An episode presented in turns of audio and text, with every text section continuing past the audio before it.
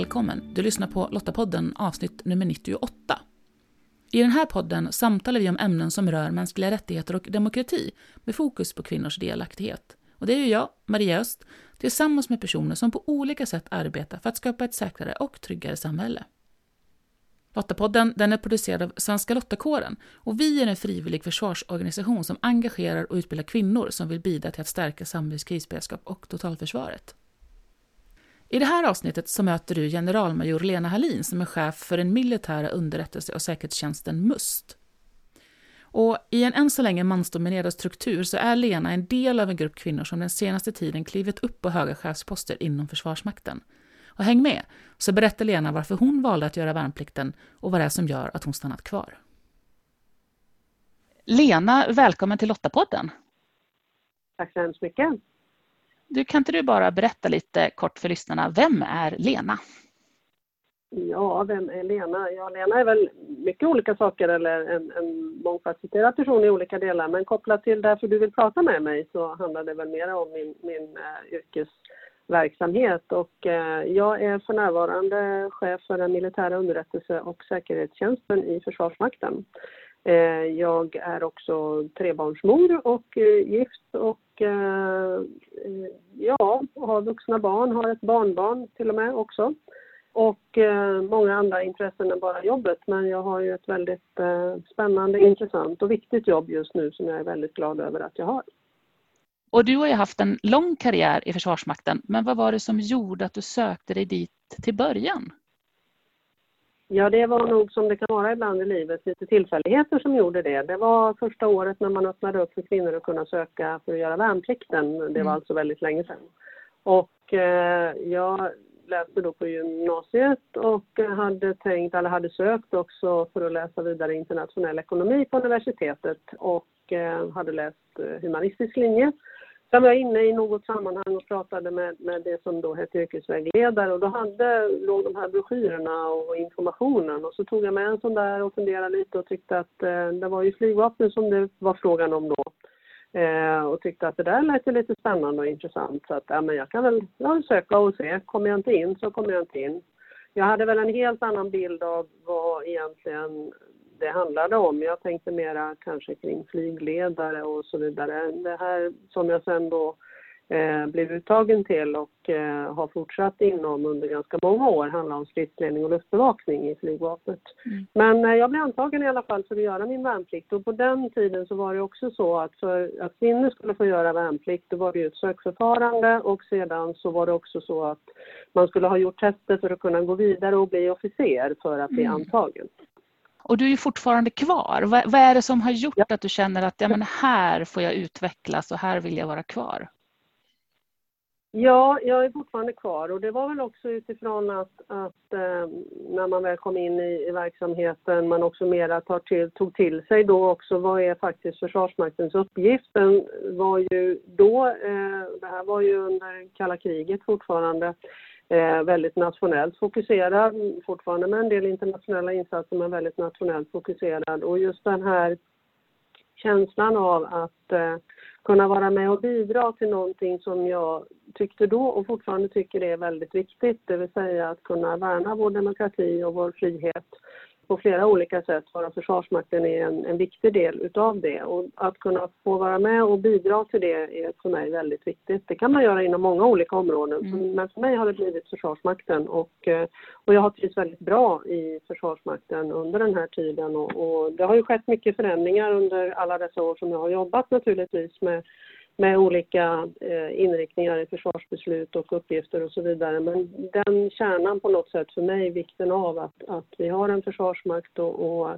utifrån att också kunna bidra till Sveriges eh, frihet och oberoende har varit väldigt viktigt. Och det har väl varit det på något sätt som är drivkraften att, att eh, få vara med och, och bidra till det och på det sättet göra nytta under den här tiden nu som du har varit verksam i Försvarsmakten, har du upplevt att det har varit någon skillnad för dig kontra dina manliga kollegor? Alltså har det varit annorlunda att vara kvinna? Ja, det är ju svårt att jämföra eftersom jag bara har varit kvinna då. då. Så på ett sätt kan man säga att det är lite svårt att göra en sån jämförelse. Men jag kan i alla fall konstatera att vissa saker har varit annorlunda. På det sättet att när jag började också, och det har ju pågått under ganska lång tid, så har det ju inte, då fanns det inte någon speciellt anpassad utrustning som passade bättre för kvinnor eller människor som kanske inte är så långa. Eh, och, och sen också kopplat till att vi ändå vi har bröst, vi har kanske lite breda höfter och så vidare. Inte någon sån anpassning utav, utav utrustning initialt. Det har kommit senare. Det har ju varit en skillnad. Så på det sättet har ju också, då blir ju också förutsättningarna lite olika. Mm. Och det har tagit lite tid för, tycker jag då, för Försvarsmakten att komma ikapp eh, de frågorna. Mm. Eh, de är ju ganska i grunden basala kan man tycka, men de har inte i alla delar varit så enkla att, att reda ut. Sen var det väl naturligtvis, det var ju en verksamhet som jag kom in i där det har funnits kvinnor förut, men då har det ju varit civila kvinnor på lite olika befattningar. Och, och det är klart att eh, när man kommer in i en verksamhet då som, som från början värnpliktig och sen som officer så var det ju någonting som inte organisationen i sig var van vid heller. Eh, och det tar ett mm. tag innan man, innan man svänger in och innan man både ser nytta och, och liksom kanske inte gör saker svårare än vad de behöver vara. Och nu är ni ju några kvinnor som klivit upp ganska högt i, i hierarkin i Försvarsmakten. Och vad mm. tror du det är som har gjort att du är en av dem?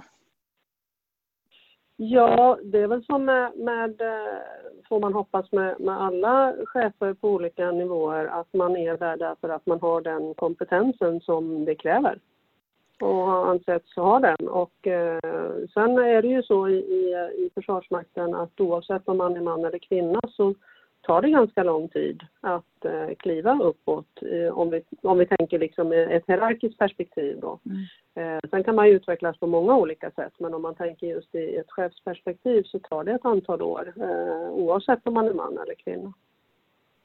Och, och ÖB har ju varit väldigt, väldigt tydlig med att det är viktigt för Försvarsmakten att fler kvinnor kommer in just för att effekten ska bli bättre. Att vi tar, eh, tar vara på hela kompetensen i samhället. Men, eh, och värnplikten är ju numera könsneutral också så både eh, tjejer och killar kallas in. Eh, men ja. vad tror du det betyder för andra kvinnor att ni nu är några stycken som faktiskt har eh, klivit upp och är mer synliga också? Nej, men det så tror jag bara för att förstärka det som ÖB säger, just vikten av att vi rekryterar ur hela befolkningen för att få de absolut bästa för det Försvarsmakten behöver. Det är jätteviktigt. Vi ska ju försvara hela samhället och då behöver vi finnas representerade också och som sagt kunna välja de allra bästa det andra perspektivet som du frågar om det här, är det, vad betyder det att det nu finns kvinnor på olika nivåer? Ja, förhoppningsvis så betyder väl det att man ser att det är möjligt, att det går och att eh, det finns möjligheter att utvecklas på olika sätt om man kommer in i Försvarsmaktens verksamhet och, och tycker att det här är, är viktigt eh, kring de frågor som, som vi hanterar. Och att man ser att ja, men det, det går att göra en, en karriär eller det går att utvecklas eh, i Försvarsmakten. Mm. Och, och hur upplever du diskussionerna inom Försvarsmakten kring just jämställdhetsfrågor? Ja, jag tycker att, att eh, olika frågor kring egentligen eh, kopplat tillbaka till värdegrund skulle jag vilja säga. Värdegrundsfrågor eh, har bedrivits under ganska många år i Försvarsmakten på ett bra och positivt och utvecklande sätt och mycket saker har blivit väldigt mycket bättre. Framförallt därför att man diskuterar, man vågar ifrågasätta, man vågar peka på saker och ting kanske på ett annat sätt än vad man gjorde bara för 10-15 år sedan. Så bara det att man diskuterar jämställdhetsfrågor, att man diskuterar det parallellt också kopplat till, till kompetens och så vidare tycker jag är, är positivt. Så jag tycker absolut att det har, har hänt saker i positiv riktning i Försvarsmakten. Och hur jobbar ni med det på din arbetsplats? På min arbetsplats så är det också ganska, om vi tänker ett utsnitt utav Försvarsmakten i sin helhet så är det rätt mycket kvinnor eh, procentuellt sett som jobbar i min del av verksamheten, vilket är positivt. Och här är det också en, en, stor blandning på militär och civil personal och här finns det fler civila än vad det finns militärer. Mm. Både män och kvinnor då. Och eh, vi jobbar ju med att naturligtvis titta på kompetenserna för det är, det är grunden för hur vi rekryterar in och utvecklar personal och den kompetens man har med sig och kan utveckla. Men också att vi får en så bra blandning utifrån det perspektivet. För att det blir oftast det bästa resultatet. Och då mm. försöker vi jobba aktivt med att titta på att det ser ut så både på chefsnivå och på, eh, på, på ja, ska vi säga, en generell nivå i verksamheten också. Värnplikten är ju tillbaks och det rekryteras både tjejer och killar. Eh, men vad skulle du säga till den unga tjej som lyssnar och funderar på om man ska göra värnplikten eller inte? Ja, det var ju som du säger, nu är den könsneutral och män och kvinnor kallas in till att mönstra och göra sin värnplikt. Eh, och det är inte frivilligt på det sättet som det var tidigare, vilket jag tycker är bra, för det skapar också en förankring på ett annat sätt. Ta den möjligheten som du får genom att göra din värnplikt. Det finns väldigt mycket du kommer att få lära dig, både om andra, om olika andra saker, men också väldigt mycket om dig själv mycket som du kommer att ha nytta av oavsett om du väljer att fortsätta i Försvarsmakten eller inte. Eh, du kommer att få vänner för livet sannolikt också. Du kommer att få träffa människor i helt andra, eh, med kanske helt annan social bakgrund än vad du själv har, vilket också är väldigt berikande på många olika sätt. Och du kommer att vara med och bidra till någonting som är viktigt. Tack för de orden Lena och så hoppas vi att det verkligen inspirerar några tjejer så att du får lite fler kvinnliga kollegor framöver helt enkelt. Det hoppas jag verkligen och, och som sagt var det är ju väldigt viktigt att det kommer in också, inte både kompetens men också volymer och, och för att vi också ska ha möjligheten att utveckla eh, även kvinnor i, våran, i mm. vår organisation. Så att eh, det hoppas jag verkligen att, att vi får fler, både de som mönstrar och gör sin värnplikt Eh, men också de som frivilligt söker sig till oss och, och även till, till, min verksamhet som ju som sagt var eh, representeras både av militär och, och civil kompetens i stor omfattning. Hoppas att du, precis som jag, blev inspirerad av Lenas berättelse och kanske är det du som blir hennes nya kollega. För att som Lena säger, ha ett jobb där du får värna vår demokrati och vår frihet, det låter väl rätt bra? Men om du inte är redo för värnplikten än eller vill engagera dig på ett annat sätt, ja men då är du varmt välkommen till oss i Lottakåren. Och länk till mer information relaterat till det vi samtalat om i det här avsnittet, det hittar du på lottapodden.se. Och om du då, precis som Svenska Lottakåren, tycker att fred, demokrati och mänskliga rättigheter är värda att försvara och du vill vara med och bidra till vårt samhälles krisberedskap och totalförsvar, ja men gå då till svenskalottakåren.se. Där hittar du information om hur just du kan bidra. Nästa avsnitt av Lottapodden kan du lyssna på om två veckor den 23 juli och då möter du Lottan Agnes Åberg som berättar om sin värnplikt som hon precis har avslutat vid amfibieregementet i Berga. Jag var nog väldigt nervös och eh, tvivlade på min egen förmåga att eh, klara av den här utbildningen. Men eh, försökte förbereda mig fysiskt så bra det gick och sen så, ja, så sökte jag. Eh, även att jag kände att eh, det fanns en oro över om jag skulle komma in och om jag skulle klara det. Men eh, sen mönstrade jag. Jag eh, blev kallad till Amstå. Sen var jag väldigt nervös innan inrycket och eh, hade väl rätt mycket farhågor om att man inte skulle vara tillräckligt bra och inte klara av det. Men det enda man kan göra är att förbereda sig så väl som möjligt, både fysiskt men också psykiskt och mentalt. Så om du inte redan gör det, prenumerera gärna på Lottapodden för att säkerställa att du inte missar nästa avsnitt. Du hittar podden i Apple Podcast, Podbean eller på Spotify.